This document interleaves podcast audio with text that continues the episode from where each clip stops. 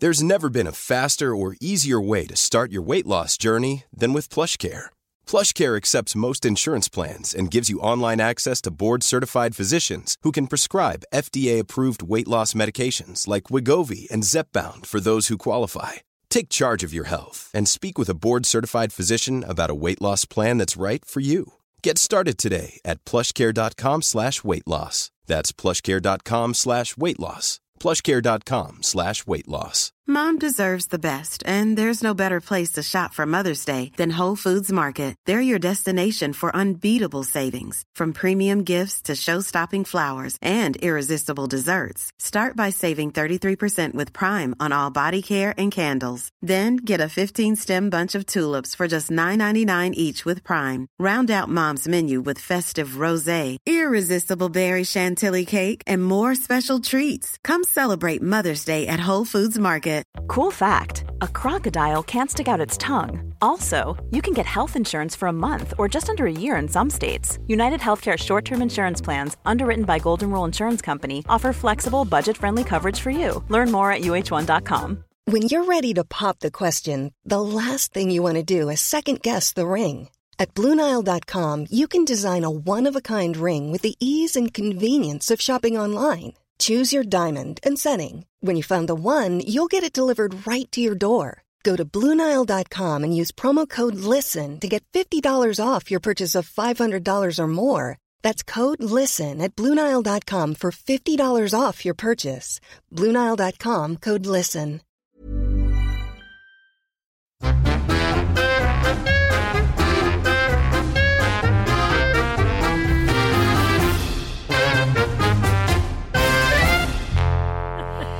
Hej och välkomna till Inte din morsa. Jag måste säga en grej. Det kanske inte får säga det, men jag är ganska mammatrött. Får man säga det så här i krigstider? Jo, det tycker jag. Ja. Berätta, varför är du det då? Eh, Mattias har börjat ett nytt jobb och jag respekterar att han måste liksom fokusera på det. Och eh, jag vet inte, jag känner mig lite ensam tror jag. Du vet lite som eh, när man får smågodis. Och så bara äter man och äter så mår man egentligen illa och tycker att de där sista typ 20 bitarna är så här åh, illamående. Men man ska ändå så här kräva de där godisbitarna. Så känner jag lite. Jag känner mig som en stor Ahlgrens bilar. Alla tuggar på mig. och jag har börjat sätta ner foten och då blir det ju liksom knorvlig och dålig stämning. För att eftersom jag ser till att liksom det är olika så här, tårtbitar som inte surnar utan så här, fyller på med grädde och gotte. Och när jag liksom låter en tårtbit surna så där, då blir det ju lite, ska säga, det blir inte liksom lika härligt i hemmet överlag. Liksom när man är sådär mamma irriterad. Och ja, men det- det här ser väl barnen men de är ju bara barn och de är inne på sitt liksom. Och så försöker jag tänka på hur det själv var. När jag var liksom tonåring och liknande. Man var ju en självisk sate. Jävlar vad självisk man var. Ja. Alltså du vet jag bara, bara kommer så mycket minnen så här, mammas lite ledsna ansikte så här. Ska du verkligen gå ut ikväll? Du är i skolan imorgon. Jag måste dra nu. Jag ska träffa Lill-Åsa. Jag måste dra nu. Och bara, kan jag få pengar? Eller så var jag full. Eller liksom, det var bara ett ständig jättebebis. Mam, jag kommer ihåg mamma sa till mig alltid så här. Det enda du gör när du är hemma det är att ligga och bada. Att jag var liksom bara i stallet och så var jag så nedfrusen. Och så ko- kom jag hem och tappade upp ett varmt bad. där Jag låg och värmde upp mig och tinade mig för att sedan dra vidare på nya äventyr. Och sen kom jag hem och ville liksom värma upp. Det, det enda jag hade så att säga hemmets fyra väggar till var uppvärmning och tillförsel av näring. Nej, Proppa i sig saker, sen drog man liksom. Tömma. Mm. Det är någonting lite sorgligt med den där tiden för att eh, när man, när man är tonåring och fram till adolescent då är ju meningen att man ska så att säga flyga ut ur boet och tankarna kretsar ju mycket på så här, vad ska jag göra när jag blir stor och var ska jag bo någonstans, var ska jag flytta och då är man inte heller särskilt intresserad av att så att säga vårda det man är i. Nej, det är sant, Man är det så här, sant. men det är mina framtida relationer som är viktiga och Mm. mitt eventuellt framtida hem. Där ska jag pynta, fixa, dona, dagdrömma kring allt det. Mm. Men att då fixa i sitt gamla flickrum är ju så här 0% kul. Det påminner ju en bara om att man är så här jag var ett barn som gillade de här tapeterna och då känns de plötsligt så förlegade liksom, och sorgligt eh, passé. Ja, jag fattar. Som att man är kvar i ett liv som man har lämnat. Ja men alltså all typ av förändring när man påbörjar en förändringsprocess. När man känner att man ska någonstans framåt. Alltså då slutar man ju intressera sig för det man är i. Ja. För man liksom tar sats. Så man är inte särskilt intresserad av att liksom kratta i den trädgården som man känner att man snart ska lämna. Nej, det där tycker jag är så himla intressant. Att man kan gå in i människors hem och säga direkt hur temperaturen är på relationen. Ja. Här har det inte pyntats Ja, här på länge. Inte, nej, och här är inga färska blommor. Och, Här är ingen som vill eh, måla om. Och det är fläckar eh, på, liksom, eh, på stolarna hit och dit. Och det, ska jag säga, har ingenting med klass eller ekonomi att göra. Nej, nej. Nej, utan det kan vara de rikaste knrösusarna som har liksom det mest påvra opersonliga hemmet. För att det är så här, I'm leaving man. Mm. Det är Ja. lite sorgligt tycker jag. Det är skitsorgligt. Mm. Men det, jag tror samt, och sen så kan man ju säkert få överslagshandling åt andra hållet. Att man är sådär, den andra parten som bara, nej vi ska vara kvar. Och så börjar man istället krampfixa. Sminka grisen.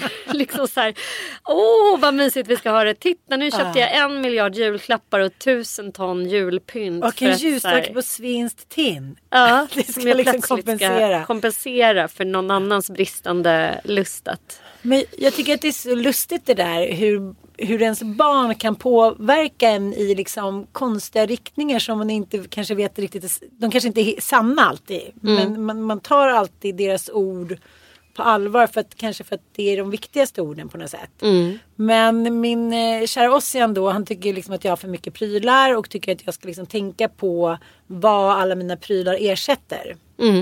Och jag försöker liksom säga det till honom, du är 19 och jag vet redan att jag hårdar när jag liksom vill kompensera någon, liksom, någonting som gör ont eller någon känsla eller känner mig stressad. Det, är så här, det har jag gjort sedan jag var liksom, eh, fyra år när jag började samla på så här, frimärken.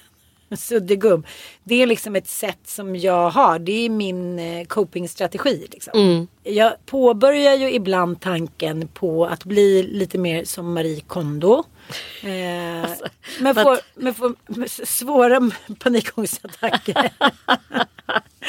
men nu skulle jag i alla fall göra det här. Jag, eh, och jag fick ett tips av Ossian att jag skulle kolla då eh, på någon dokumentär om liksom mer sakralt leverne. Att man ska göra sig av med alla sina prylar och sådär.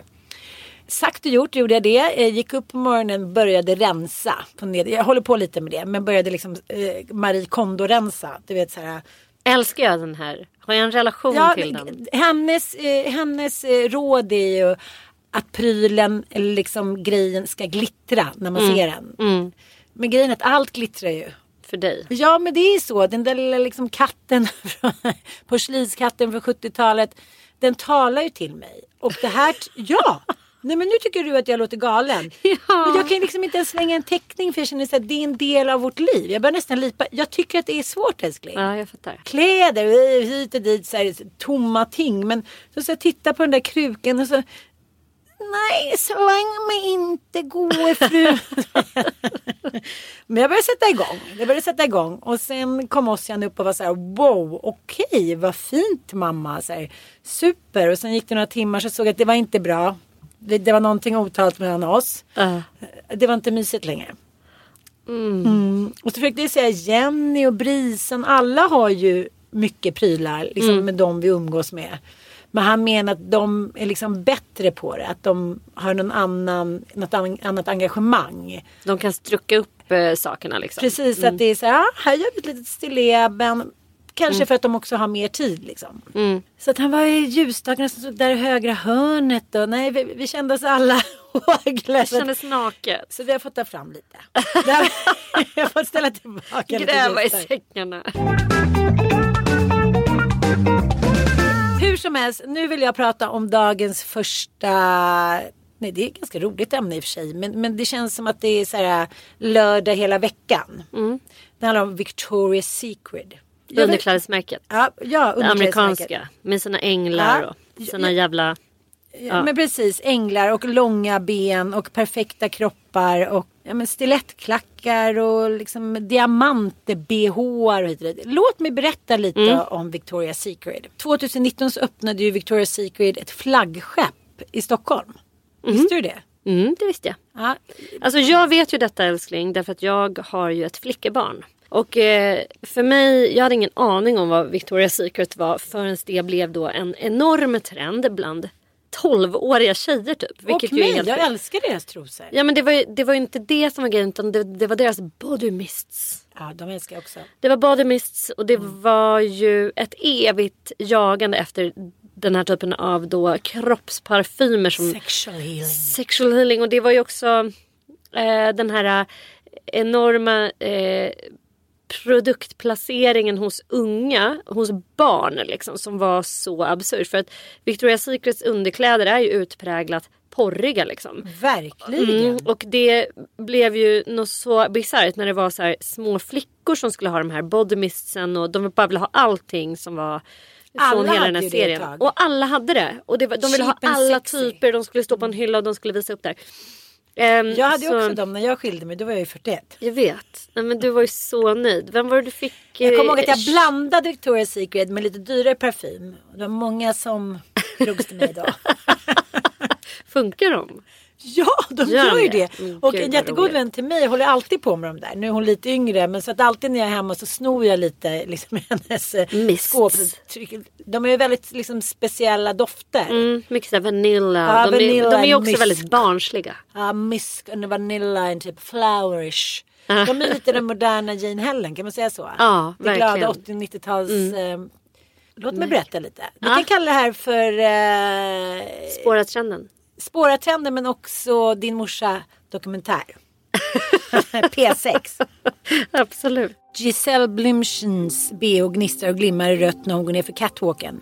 The Ruby Fantasy Bra. Den består av 300 rubiner samt 1300 diamanter och ädelstenar och är värd 150 miljoner svenska kronor. Giselle bär den dyraste bh som någonsin har skapats. Den hamnar i Guinness rekordbok. BHn är tillverkat specifikt för det här tillfället för underklädesmärket Victoria's Secrets tv-sända modeshow år 2000. Företaget blomstrar. Every year, the Victoria's Secret fashion show broadcasts to millions of viewers.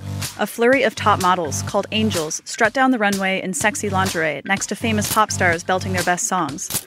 It's a visual celebration of the top lingerie retailer in the United States, which consistently captures around 60% of the market. I get all my bras and underwear from Victoria's Secret. And when I go in the store, I feel so special, like it's a holiday for me when I go shopping. Hur som helst så har ju det här varit någonting som har varit väldigt åtråvärt och senaste åren efter metoo så kanske de har så har ju Victoria's Secret haft en lite liksom lower profile. Försökt liksom göra om lite sitt, sitt varumärke. De har ju inte legat så att säga högt på eh, kroppspositivisternas... Eh, det kan man inte säga.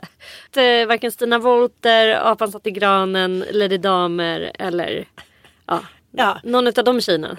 Nej, jag tror inte att de här tjejerna, Tyra Banks, eh, Giselle Bündchen, de här stod högst på deras lista. Så att, eh, men, men nu har de gjort något liksom, nytt, ett nytt omtag. Men det är en ganska intressant historia. Vet du när det här företaget startade? Nej. 1977. Victoria's Secret grundas. Vad fult allting är, tänker Roy Raymond. I slutet av 60-talet i USA, Roy vill köpa underkläder till sin fru. Butikens praktiska enfärgade bomullstrosor och blommiga nattlinjen i nylon, inte vad han vill ha. Roy känner sig obekväm och uttittad av personalen. Spola fram åtta år. Roy tar ett lån och startar en underklädesbutik i Kalifornien där män är huvudmålgruppen. Män ska kunna köpa snygga och sexiga underkläder till kvinnor utan att skämmas. Butiken får namnet Victoria's Secret. Som en humoristisk blinkning till den brittiska pryda viktorianska eran. Fem år senare har varumärket vuxit. Ytterligare två butiker har öppnat. Framförallt är katalogen med bilder i underkläder som säljer. Så det här är en snubbe då eh, som eh, tycker att liksom, nu ska det bli lite fart mellan lakanen och starta det här. Det är ändå ett smart take att så här, eh, jag, jag, jag startar en underklädeskedja riktad till män. Mm. Att män ska kunna gå in där, dels utan att skämmas men också att så här, då får jag klä på min knulldocka vad jag vill. Då Så kan hon ligga där med sina bilringar. Men Ja, men då har jag köpt olika strumpebandshållare och dylikt Ja. att piffa till det hela med. Ja. Och att det också blir ju en sån enorm trend att köpa underkläder då till sin fru. Det är ju dels en status på något sätt. Att man Mm. visar att man har ett aktivt sexliv. Och sen att det är någonting lite busigt och någonting som man då som fru ska uppskatta något så otroligt. För att säga, oh, vill han se mig i Mm. de här sexiga grejerna? Ja, det går ju liksom inte att göra någonting eh, tillbaka kaka. Nej. Björn Borg-kallingar. Nej men liksom det, det är lite tråkigt. Läderbrallan. Det, allting som man ska göra med mäns sexighet blir ju bara Mm, nej men det går inte. nej. Det Har Micke haft så här, han kommit in en gång och bara ponyplay. Nej, men jag bara tänker, jag hade någon kille där namn, som hade några så lite stringeskalsonger och sin schnabel med rakad pung och det där. Jag var 16 år och kollade så här, jaha, vad ska jag göra med den där elefanten? Ja. Nej, jag vet inte, så här, let it be hair. Ja. Så ha ett par vita rena kallingar utan bromsspår och sen så ligger vi bara lite, det kan väl vara lite ljust eller jag vet inte. Fan vad jag, jag, har jag alltid varit så här tråkig? Nej det har jag inte. Det har jag inte. Men det har liksom krävt att snubben ska vara initiativtagande till klackar och liksom små svarta spetsklänningar och så här. Det är inte mycket initiativ från mig tycker jag. Jag tycker inte jag har fått så mycket respons heller tror jag. Jag minns inte mina Fetisch. ligor vad jag hade på mig. Nej men jag menar det. Men alltså den där typen av så här, fetischlivet. BDSM-livet och fetischerna att så här, eh, förlora sig i det och tycka att det, det blir nästan som en hobby, som ett intresse för de som håller på med det. Men Jag har inte det, ens blivit bunden. Har du det? nej det har jag faktiskt inte. Men alltså det här är otroligt. Jag bara, har jag det? Nej det har jag inte. Nej men det... Du vet att Mickes Gloria falnar nu. Han har inte, han inte ens haft en pickadoll. Ingen pickadoll heller. Nej, är vi så här tråkiga? Men du har väl ändå haft lite så här uh, utklädnader och så? Det tycker jag mig ha hört dig skvallra om. Nej. Vi, behöver, vi behöver inte nämna några namn här. men- Nej, nej, jag har inte haft utklädnad. En nallebjörn, ja men det är väl ingen utklädnad. Alltså, nej, men Vad nej. menar du? Oj, oj, oj. Men lite så här baby doll fantasier och sånt. Nej men alltså mina, flera, flera av mina killar har sagt att de vill ha den där sjuksköterskedräkten. Men köp den där jävla sjuksköterskedräkten. Jag vill inte gå in på någon sån här gummiaffär och så här. Hej jag köper en sjuksköterskedräkt. Nej. Det, det är svårt också det som vi pratar om. Att man, man måste sätta det där lite tidigare. Liksom nästan ganska direkt. För nu skulle det bara bli en medelålderskris. Och en tant är så här. Hej, här kommer, här kommer mor Salig. En liten så här Här kommer distriktssköterskan. Ska jag lyssna på penis om den fortfarande Nej men det är ju mycket i det där som eh, jag brukar säga det när jag har pratat om så här liksom att ha en trekant eller att göra något så här crazy liksom i eh, sexualitetens då fetischläger. Så för mig är det ju så himla nära till humor i allt det där. Alltså såhär vuxenlekar, vuxen. Alltså det, jag känner liksom att jag börjar skratta bara jag ser en, en dildo. Och jag tänker direkt liksom såhär... nej men det är så mycket i det som, som lockar fram eh, skratt och så ironi och allt det där. Så jag, jag har så väldigt svårt att komma in i en så sexig stämning kring alla de där prylarna. Så skulle liksom mycket dyka upp i någon så här Ja men någon jävla Buttricks eh, med cowboy. Jag skulle bara börja skratta ihjäl mig. Eller börja spela någon så här rollspel. sånt. Eh, Jag skulle ju skratta något helt hejdlöst. Och jag tänker också så här. Men om man Om man träffas nu- ute då? Typ så här låtsas att det är någon annan. Svårt med Micke. Alla bara tja Micke. Bara, nej, han heter Paul, Paul Evans. He's a cowboy from Texas. Nej, men det, jag är för liksom. Jag har för svårt att tror jag gå in i så här, typ, den typen av, av roller. Men eh, jag har ju vänner som leker loss så mycket som helst och som inte har några som helst problem med det. Så att uppenbarligen så det är kanske bara jag som är liksom har, har svårt att släppa loss. Jag men vet, jag vet inte. inte. Men jag kommer ihåg när ni åkte till Norge någon gång så att ni innan ni skulle på Hurtigruten hade ni gått in och köpt lite porrleksaker. Ja. Användes inte de då eller? Det var ju, alltså, det var ju den sjukaste butiken jag någonsin har varit i. Den låg så här i Värmland någonstans där man passerar över till Gudbrandsdalen precis vid norska gränsen och det har ju säkert att göra med att det förr i tiden inte gick att konsumera porr kanske i Norge på samma sätt. Så det ligger ju massa så här gränsställen där normen kastar sig över för att köpa eh, tobak, eh, bacon, Coca-Cola, massa sådana saker som är Men vadå beskattade över högre. gränsen? Säger, det här låg ju liksom precis vid norska gränsen och det var ju då en typ men tänk dig själv en så här timmerstuga och så var, stod det så här butik typ. Alltså, vi bara, vad är det här? Vi går in och kollar. Vi var väl sugna på godis liksom. Och då var det ju eh, halv... Godis citationstecken. Nej men det framgick inte att det här var ett porrnäste. Det fick vi ju då förstå eh, när vi klev in i den där butiken och eh, hälften av butiken bestod av gamla 80-tals p-rullar. VHS-band. Det var fäbodjäntan och det var liksom som att det var så här halsen. hillbillies som inte har kopplat upp sig på nätet än. De har sin gamla VHS. De får åka dit. Det är det De står utanför all utveckling i världen. De är såhär, ska vi åka till Hurtigruttens porrbutik?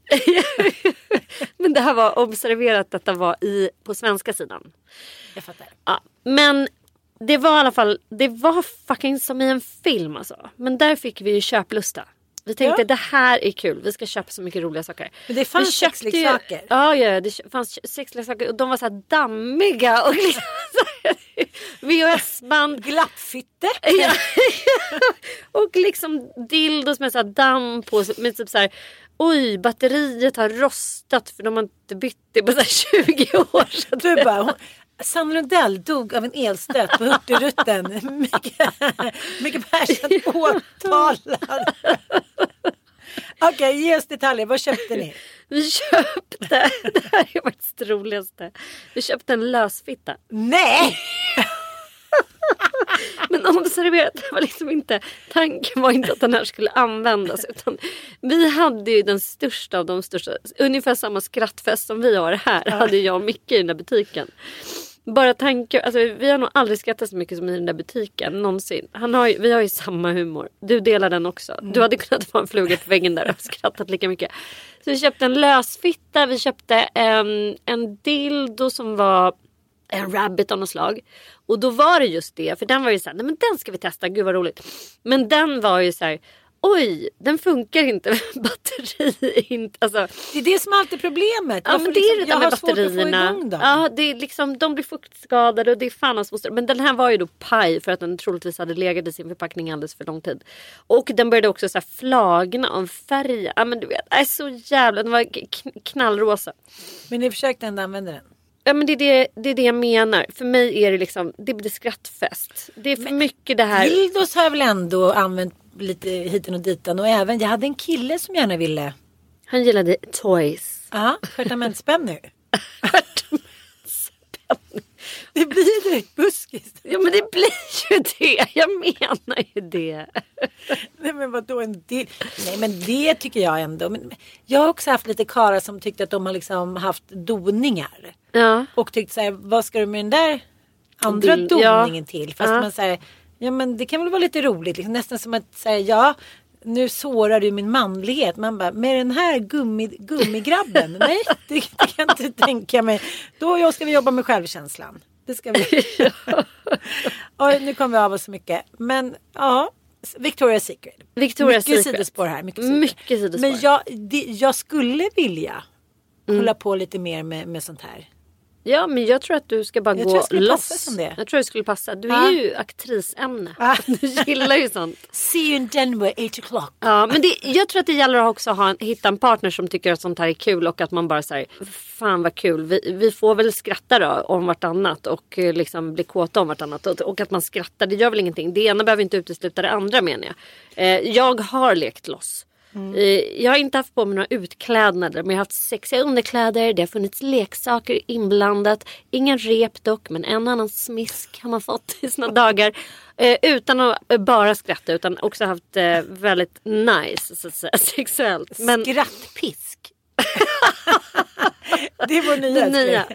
Okej, tillbaka till Victoria's Secret. ja, tillbaka. Affärsmannen Leslie Wexner. vid den här tiden, 40 år, har framgångsrikt lanserat klädaffären The Limited.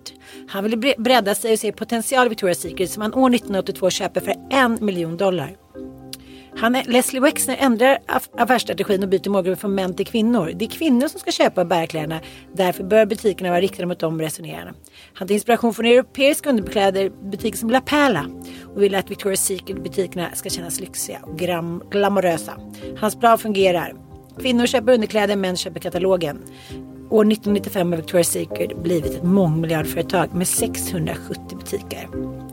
Företagets framgång tar dock hårt på grundare Roy Raymond som efter försäljning har misslyckats med sina andra affärssatsningar. 1993 avslutade han sitt liv genom att hoppa från Golden Gate Bron i Nej men San Francisco. gud. Oj, Oj oj. Och 1995 har den första Victoria's Secret modeshowen sänds på tv. Det fanns ju liksom ingenting liknande på tv då. Det här var alltså, vi bänkade oss för att se snygga tjejer med perfekta kroppar visa underkläder. Det är så genialt att det blir korkat. Mm. 1999 så sänds modevisning via internet och det är då den första stora livesändningen på nätet någonsin. Två miljoner tittare tittar och eh, servrarna får ju då jobba högvarv. Det var ingenting man hade räknat med. Och sen kommer ju den här som svårt att förstå för kvinnor och tjejer som inte var liksom tonåringar när vi var det. För 1997 så blir supermodellerna Victoria's Secret änglar. Märker du hela tiden så här, det ska vara flickor, det ska vara änglar. Det ska vara finns liksom ingenting, för ingenting är av kött och blod. Det här är ju liksom knulldockor, precis som du säger. Och det är Karin Mulder, Stephanie Seymour, Tyra Banks, Helena Christensen och Daniela Pestova. Mm. Där de vita änglavingar då och det är då det här sker med de här. Elsa Hosk och eh, Kelly Gale, en amerikanska, de har jobbat för företaget i flera år. Och eh, de har ju då eh, vissa egna, de har ju egna träningsprogram då. Som de, rigorösa träningsprogram, 15-30 kilometer om dagen. Och eh, ja, de tränar då intensivt två gånger per dag. Sen blir det uttagning då till Victoria's Secret visningen. Och eh, då tränar de fyra till fem gånger per dag då. Sunt. Mm, super, super sunt. Sen händer det som kanske eh, förändrat. Det här är ju alltså inga, ingen av de här kvinnorna har ju över storlek 36. Det finns ju, det finns ju liksom inga Victoria's Secrets grejer i X-large. Så att de, man kan ju inte säga att de eh, inte riktigt, de har inte riktigt hängt med. Eh, de har ju liksom aldrig haft några transsexuella, de har aldrig haft, eh, det har varit mycket vitt om man säger så. Vitt och eh, smalt om man säger Och så. ungt. Ja, men sen 2019 så grips ju eh, finansmannen Jeffrey Epstein. Och han har ju då eh, varit eh, personlig finansiell rådgivare åt L Brands VD Leslie Wexner. Okej, såklart han har. Mm, fräscht. Ja, så när han hänger sig då eh, I sin cell. Precis, och nu kommer nu kommer det här med kvinnorna som berättar då att Epstein har ju utsett sig för att vara modellscout åt Victoria's Secret. Mm. Som inför en uttagning för showen då. Och, eh, men han den här Wexner han då tar ju då liksom kraftigt avstånd från händelserna. Men det är klart att det blir lite skamfilat. Nu har de i alla fall tagit åt sig av kritiken senaste åren och börjat då eh, hänga med lite i, i, den moderna utvecklingen på internetet. Eh, lite större storlekar, eh, lite mer, eh, jag vet inte, men, men kanske någon tjej som är storlek 40 istället för 36. Men det som har blivit mest omskrivet då i den här nya kampanjen är då Sofia Girau.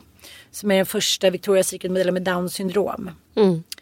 Och eh, Felt like a shooting star heter den här kampanjen. Och eh, hon eh, har fått jättemycket uppmärksamhet såklart. Och eh, idag blev drömmen sann skrev hon då på Instagram. Och eh, ja, jag drömde om det, jag kämpar för idag blev drömmen sann. Äntligen kan jag berätta min stora hemlighet då. Nej jag vet inte. Jag, jag tycker det är såklart att jättebra att alla får vara med. Down syndrom, transsexuella, eh, lite större storlekar, lite mindre. Jag, jag tycker det är underbart att man visar alla typer av människor som så alla kan ide- identifiera sig med någon. Men jag vet inte om det är vägen att gå. Att det ska liksom håsas otroligt mycket att det är någons högsta dröm. Att få bli en, är det, känns det modernt? Jag vet inte, är jag bara ogin? Nej, jag kan ju verkligen förstå att det är flickors högsta dröm. Jag tror att eh, hon är nog inte ensam om det. Eh, Sofia Girau. Eh, jag kan tänka mig att min dotter säkert också under delar av sin barndom har drömt om att vara en ängel. Eh, liksom så. Och det, jag tror att det är sjukt många tjejer som gör det. Därför att det har en uppburen status i vårt samhälle. Vi skulle ju annars inte visa de här visningarna. Folk skulle inte åtrå de här kropparna. Och de skulle inte liksom Eh, och sen finns ju kroppspositivismen och, och, en helt annan rörelse men den når liksom tyvärr inte fram till dem som faktiskt behöver den. Mm. Till de unga eh, på samma sätt. Om man inte har då kanske medvetna föräldrar som säger hallå titta på de här kontona också. Men eh, om en så här 11-åring fritt får börja välja vilka de ska följa så blir det ju liksom eh, otroligt snävt och otroligt eh, matat med sjuka ideal helt enkelt. Jag tycker det är som att vi lever i en värld som om man tänker på vårt 70 och 80-tal då fanns det ju, det är klart att som vi pratade förra gång, om förra gången att media gav oss en helt skev bild av vad det var att vara kvinna. Dels utseendemässigt men sen också hur sex skulle idkas, hur en relation skulle se ut och så vidare.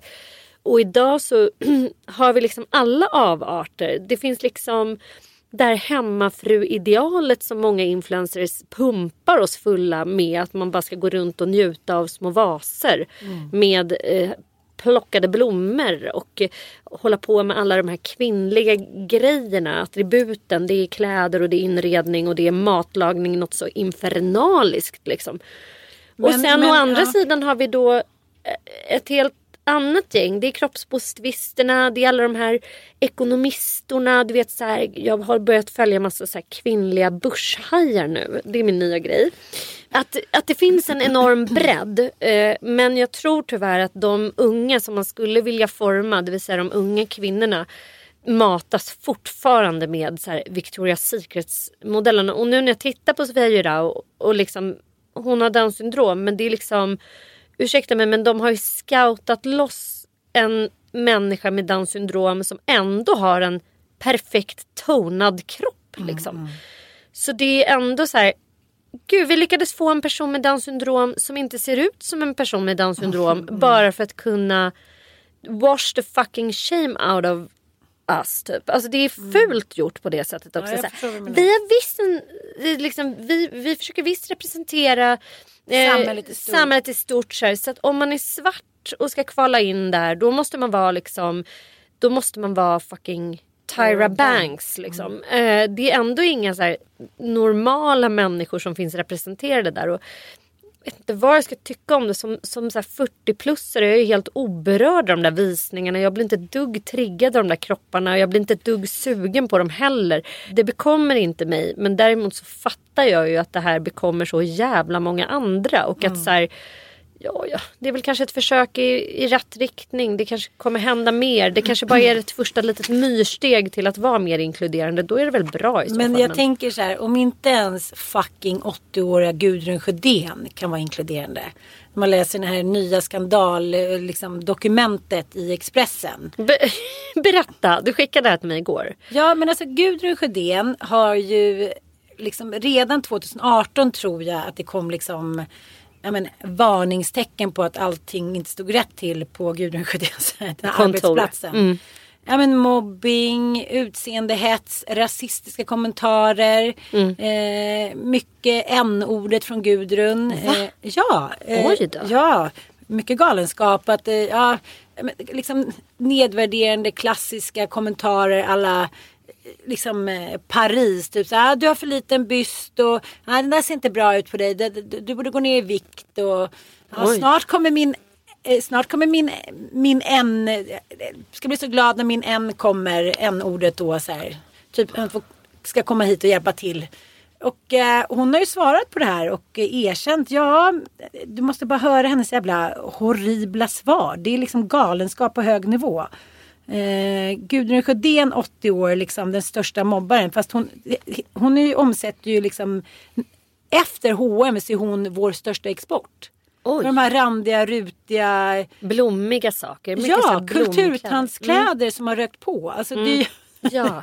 ja, och eh, det är väl underbart. Men, men att hon då som är lite själv lite skön och slapp, vilket man är liksom när man är 80, men det har ju varit hela hennes business-idé. Mm. Mm. Att så här, kulturtanter med liksom som ätit en bakelse och druckit lite vin. Här har vi inga tonade kroppar. Här har vi liksom randigt och rutigt och här vi är tunika på oss. Ja. Mm. Och hon visar sig då ha viktmobbat och utseenemobbat och varit rasist. Ja, hon, hon sa då till en, en eh, svart medarbetare att hon var tvungen att gestikulera mer. Hon har, ja, det sa jag. Men det är, för mig är det svårt att se vad de svarta människorna säger i ansiktet. Typ så att det bara liksom en Men gud Nej, snälla. det, det, och hon kräver, har krävt handstilsprov. Handstilsprov, Ja, det var en kvinna som då skulle bli anställd på ekonomiavdelningen som lite förnyare, sådär utvecklare. Men det var för prydlig handstil. Ring mig, jag vill ha en miljon i månaden Gudrun. Ska du få se på riktigt galen Oprydligt. handstil. Helt galenskap alltså. Mm. Och då tänker man så här, ja, vi slåss mot väderkvarnar liksom. Gudrun, skärp dig. Nu får vi inte, kulturtanter. Vi får sluta, Unite, sluta, köpa köp hennes det här. kläder. Sy din egen tunika. Ja, nej men Eller det- gå till Vamlingbolaget, de verkar ju sköna. Det är lite samma grej. Eller det känns lite grann så här som att Gudrun Sjödén tog Vamlingbolagets looks Ja. och mönster och bara såhär copycat, copycat och så bara gjorde hon massproduktion. För hon verkar ju vara eh, oändligt uh, företagsam ändå. Och det, för det har hon ju både prisats och eh, eh, uppmärksammats. Och eh, det är det man tycker har varit lite coolt med henne. Och att hennes kläder säljer ju inte på sex. Nej. Hennes modeller står ju inte och visar cleavage, svankar och typ så här har big ass. Utan de är ju liksom hej jag är en flicka fast ändå tant samtidigt. Och eh, det är väl snarare den asexuella stilen som, utprä- alltså, som är utpräglande för hennes mode. Ja men på något sätt så det måste man ju ge den här rasistiska eh, viktmobbaren. Att hon har ju ändå hon har satt ett mode på kartan som nå ingen varken före eller efter förutom kanske Eva Rydberg liksom har använt. Ja, men det, är liksom, det är någon form av galet clownmode med prickar och ränder. Och blommor. Marimekko är lite, lite liknande. Men det handlar, det är väl... Fast Marimekko är ju liksom, Ja, det, det är finns ändå- någon genomtänkt stil. Det här är Mm. liksom som ett barn som bara så, uh, uh, uh. Nej, jag, jag, Det är väldigt gulligt och det, det är väldigt mycket blomsträng och, och väldigt mycket så här flirt också med allmogen och Ja. det är mycket så. Men ja, men de här, hon är alltid också de här, hon hennes eh, VD Ann har ju Mm. också eh, alltid de här tokiga glasögonen. Mm, Knallrosa och knall, Vivian, de vill ju vara Viv, den svenska Vivienne Westwood. ja. Ja. Fast Vivienne Westwood är ju hon är Cool. fortfarande både cool och sexig. Ja. Det är korsetter och det är midjor och det är bar hud och sådär. Det är det inte Gudrun. Hon mycket så här yllestrumpor och fotriktiga skor och Hennes sånt. storsäljare är ju den långa vanten med avklippta fingrar. Ja. Storsäljare. Storsäljare. men jag är så här, ex-killars mammor som har liksom Ja, men de, de har så här vallfärdat från Byxelkrog, från LA. Mm. Allting för att liksom, och det är inte billigt. Det är, typ, det är liksom. Gucci-dyrt. ja. Undrar om vi någon gång i livet kommer ha Gudrun Sjödén på oss. Nej Gudrun, inte Jo. efter det här. Inte efter det här. Nej. Nej. nej, Där gick gränsen. Ja. Sluta. Avslutningsvis, apropå det du pratade om. Eh, det- finns så mycket nu som liksom man ska vara influerad av på något sätt. Alltså, man, ska, man behöver inte jobba, man kan gå hemma och fixa med blommorna. Eh, Det finns liksom inget åtråvärt att jobba ihjäl sig på något Mm. sätt. Kim Kardashian, hon eh, har, lackade ju lite här och eh, skulle ge lite karriärråd till kvinnor. Mm. Och då sa hon då, hon uttalade sig i tidningen Variety. De bad henne ge kvinnor karriärråd och då Mm. sa hon det, jag har det bästa rådet för karriärkvinnor, lyft baken och jobba. Det verkar som att ingen vill jobba nu för tiden. Mm, och det, det fick ju en hel värld att rasa. Herregud. Och eh, det, hon menar att det tack vare hennes goda arbetsmoral, inte för att de är kändisar som hon har cashat in. Mm. Hon säger vi fokuserar på det positiva, vi jobbar hårt, vi behöver inte sjunga eller dansa eller skådespela, vi kan leva våra liv och vi har blivit framgångsrika eh, genom det. Och eh, ja, då är det många, en som har fördömt kommentaren är då skådespelaren Jamela Jamil, känd från tv-serien The Good Place. Mm. Och hon tycker då liksom, ja jag tycker om du växt, liksom växte upp i Beverly Hills med superframgångsrika föräldrar eh, så kanske du liksom eh, vill ingen, vill höra dina tankar om arbetsmoral. Mm. Men jag måste ändå säga att det ligger någonting i det. Jag håller med. Ja, vad, är, Ja. vad var det, för, det var ett jättebra eh, karriärsråd. Det är så här, ha hög arbetsmoral, jobba jämt. Det spelar Mm. liksom, sen att hon kommer från eh, Burgen bakgrund. Det har liksom inte så jävla mycket mer att göra. Det är klart att man eh, har bättre kontakter. Jag menar inte så här, åh, att alla har samma förutsättningar. Men samtidigt så är det så här, jag trodde ju ett tag att man kunde jobba hårt ett tag och sen skulle man casha in och sen skulle man liksom softa ner. Mm. Men det gäller ju inte det. Och när min son säger till mig "Ja, du är arbetsnarkoman. Jag här, jaha, vad finns det för alternativ då? Mm. Är du med mig lite? Det är ju bara att jobba på. Ja, men jag kan säga så att jag brottas ju mellan att ligga liksom till vänster politiskt för att jag har ett socialt engagemang och jag förstår den kunskap som jag har fått mig till mans genom livets gång har fått mig att förstå att det är skillnad på att växa upp i liksom en eh, sunkig förort eller någon liten jävla bonnahåla i USA till eh, narkomanföräldrar eh, än att växa upp som Kim Kardashian. Att man har extremt olika grundförutsättningar. Samtidigt så ser ju jag och med egna ögon och själv upplevt att hårt arbete lönar sig. Och också den här entreprenörsandan. Och det är väl det jag kan säga är den stora skillnaden. Att växer du upp med så narkomanföräldrar och alkoholistföräldrar så blir du inte fostrad till hur du förmerar pengar, hur du sköter din ekonomi, hur du strategiskt kan göra dig själv rikare i vårt kapitalistiska samhälle. Och det är en stor jävla orättvisa för det är ingenting vi får lära oss i skolan eller, utan Nej, det är liksom nej. någonting vi måste fostras in i. Jag hade noll sån fostran. För dels hade jag ju, även om jag hade en pappa som Eh, plötsligt blev väldigt rik så kom ju han från liksom eh, eh, superarbetarklass. Min eh, farfar var ju statarbarn och eh, det fanns ingen eh, koll överhuvudtaget på så här, placeringar, aktier, sparande, noll sånt. Och min pappa har ju noll koll på sånt fortfarande utan han, han vill typ inte ens lära sig sånt. Och mamma hade noll koll på sånt också. Jag kommer från en bonnasläkt i Jämtland. Det fanns inga pengar att placera, det fanns ingenting att förmera, det fanns ingen möjlighet att bli entreprenör. Eh, fast det fanns kanske idéer och lust och drivkraft. Men så jag är liksom superliberal och jag är företagare ut i fingerspetsarna och jag kan verkligen, jag kan verkligen förstå vad hon menar, Kim Kardashian. Att så här, nej, hon har inte haft någon exceptionell talang. Möjligtvis hennes utseende som hon Mm. har kunnat kapitalisera på. Och det har hon vågat inse. Och satsat på det. Det det Bara, vad är min talang? Jo det är vårt helt Gräv sjuka... där du står med din jag, stora Och nu jätterumpa. tänker jag använda min jätteröv och investera i den. Och jag kommer liksom eh, Jag kommer göra pengar på det jag har. Det jag kan och det jag har. Och där har, måste hon ha exceptionell... Vem skulle annars ha gjort det här åt henne? Inte men- är det hennes farsa Nej, för han är död. Och mamman också. Glad i hågen sen nu har jag varit borta och jobbat sju dagar i rad, nu är det tre inspelningar. Hon känner sig privilegierad. Hon Mm. sliter hårt. Det finns liksom inga genvägar. Och sen får man njuta när man kan. Men ingen som jag känner som har mycket pengar bara ligger i en solstol. Alltså alla jag känner som har mycket pengar jobbar så jävla hårt. Och, sen kan går det man- upp och ner. Jag tar Pernilla Mm. till exempel. Det var väl inte så himla roligt för typ tio år sedan när hon stod och liksom gjorde gig på Eslövs eh, tarmsköljningsförband. Alltså jag menar så här, det är bara att fortsätta och Mm. slita och slita och till slut så ger det ju liksom så kan man skörda just för att man ha- har slitit så länge. Så att det, vägen upp till Mm. Ja. framgången blir kortare och kortare. Och det, jag tycker också att det, det finns inget motsatsförhållande till att Kim Kardashian har eh, blivit fostrad i entreprenörskap och förstått att så här, det är bättre för mig att satsa på att göra min röv stor för där finns pengarna än att Mm. Utbilda mig.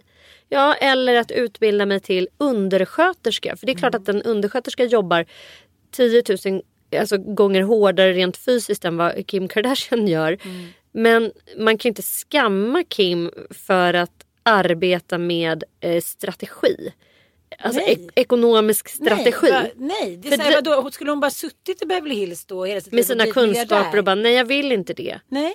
Både och. Jag fattar att det kan vara skitprovocerande när en rik jävla kärring eh, med jätteröv sitter och säger så men samtidigt är det ju sant. Ja, säger, Jobba. Det, det- liksom allting följer där. Man liksom vågar inte säga då att det är farligt att vara, liksom, vara överviktig. Man vågar, alltså man vågar Mm. till slut bli bara en stor jävla strömlinjeformel.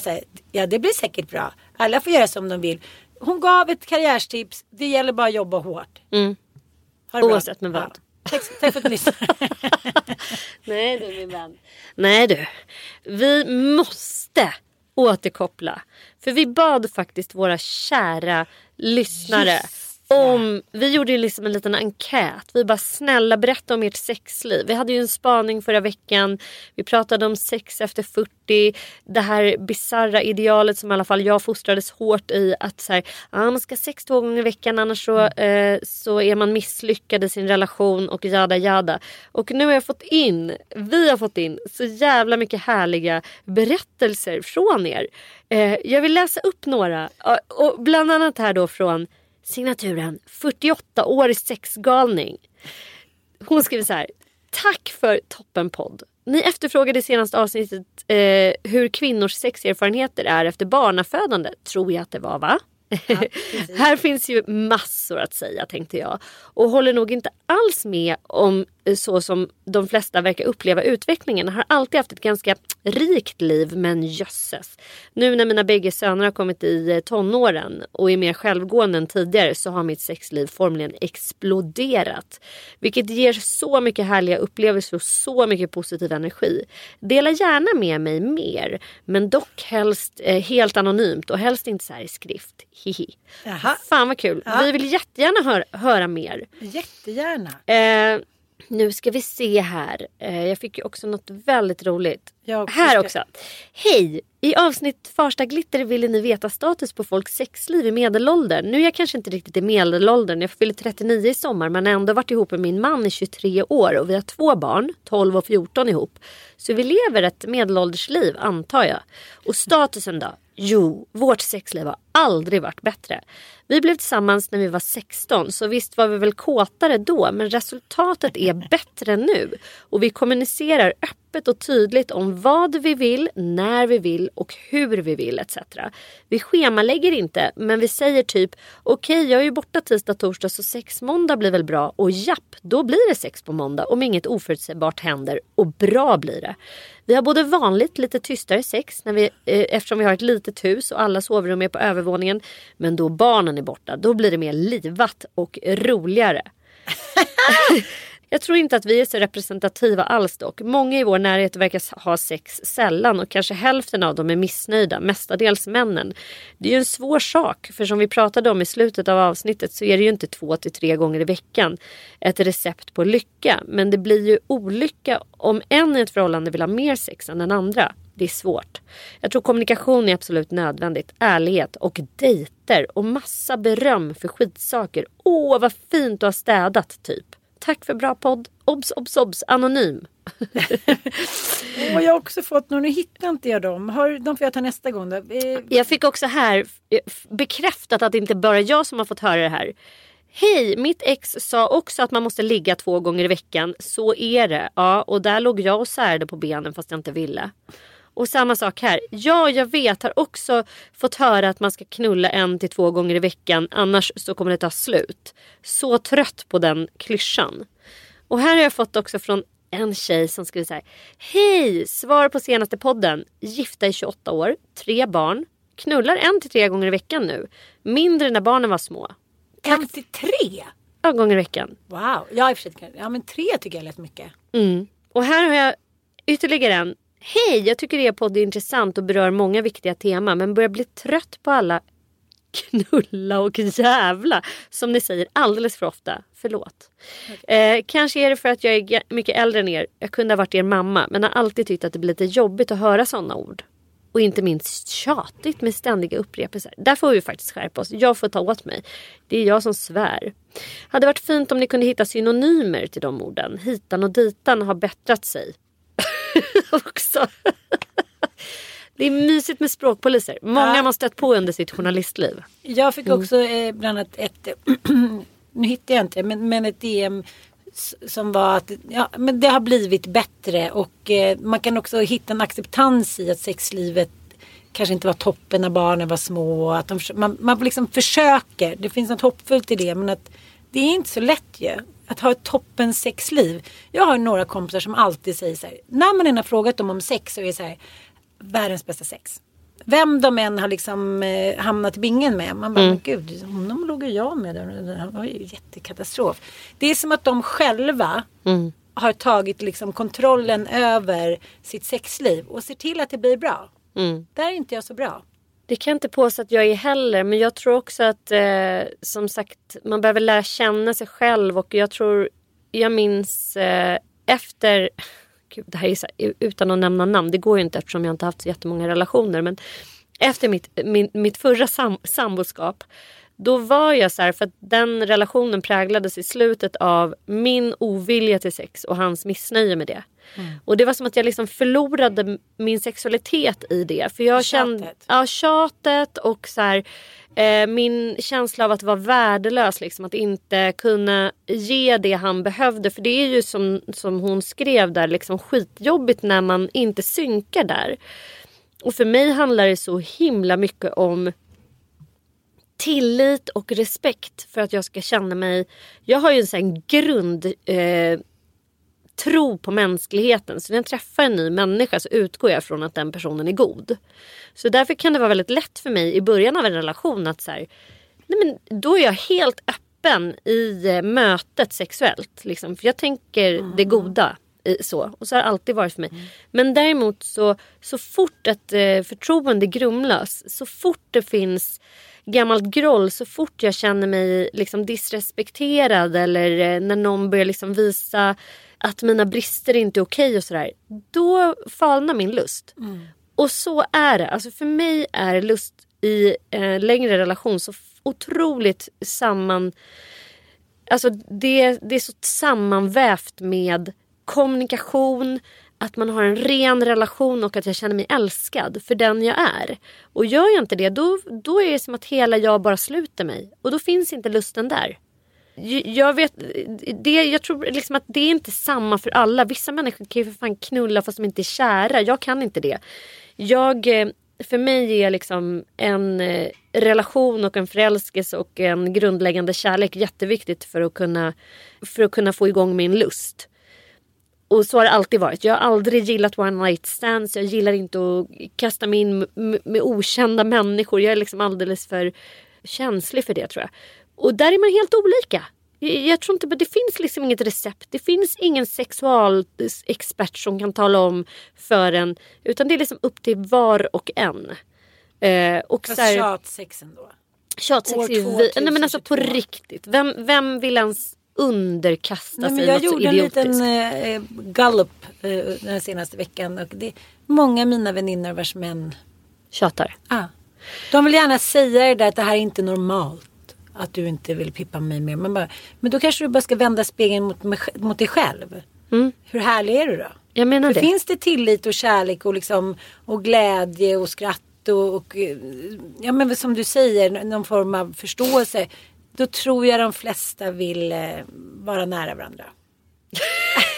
Id, idka älskog. Ja, det enda vi egentligen vill säga med det här är eh, att eh, det är ett outforskat eh, område och liksom det måste göras så mycket mer på det här och man ska inte luras av såna här jävla normalitetsgrejer. Att så här, ah, det är normalt att göra så. Det finns ingenting som är normalt när det gäller det här fältet för att vi liksom, det, det är bara självkännedom som gäller tror jag. Och eh, sen finns det ju massor med undersökningar som visar att man mår bra av att ha sex och Precis. vara i kontakt med sin sexualitet. Så har man inte det så kanske man ändå ska försöka undersöka vad är det som gör att, att det här har stängt ner hos mig? Vad är det som gör att jag inte vill liksom? Eh, Att det inte bara så här, ja, men, eh, det blir ju någon form av undanträngning av sina sexuella behov som jag ändå tror att de flesta människor mår bra av. Fråga schimpanserna. Dvärgschimpansen älskling i alla fall. Ja, vi kommer tvista vidare om detta. Mm, Det här är jätteintressant. Det har blivit liksom... eh, Det är strömavbrott i så våran vi sitter studio. i mörker plötsligt- nu som två freaks. Nej men det här är så sjukt. Det är liksom, det har aldrig slut. Nej men nu kom elen tillbaka. Skitsamma hörni. Tack för att ni lyssnar. Fortsätt lyssna. Och hörni, på riktigt, fortsätt skriv in till oss. Om er upplevelse av sex. Det behöver inte vara så här efter medelåldern. Utan bara rent generellt. Så här, hur har ni själva fått er sexualitet formad? För vi har liksom ett projekt på gång kring det här. Vi vill ha era berättelser. Skriv till oss anonymt om ni vill det. Det går jättebra. Vi ser er. Alltså inte sängkammaren. Men också bildligt. Puss och kram. Puss puss.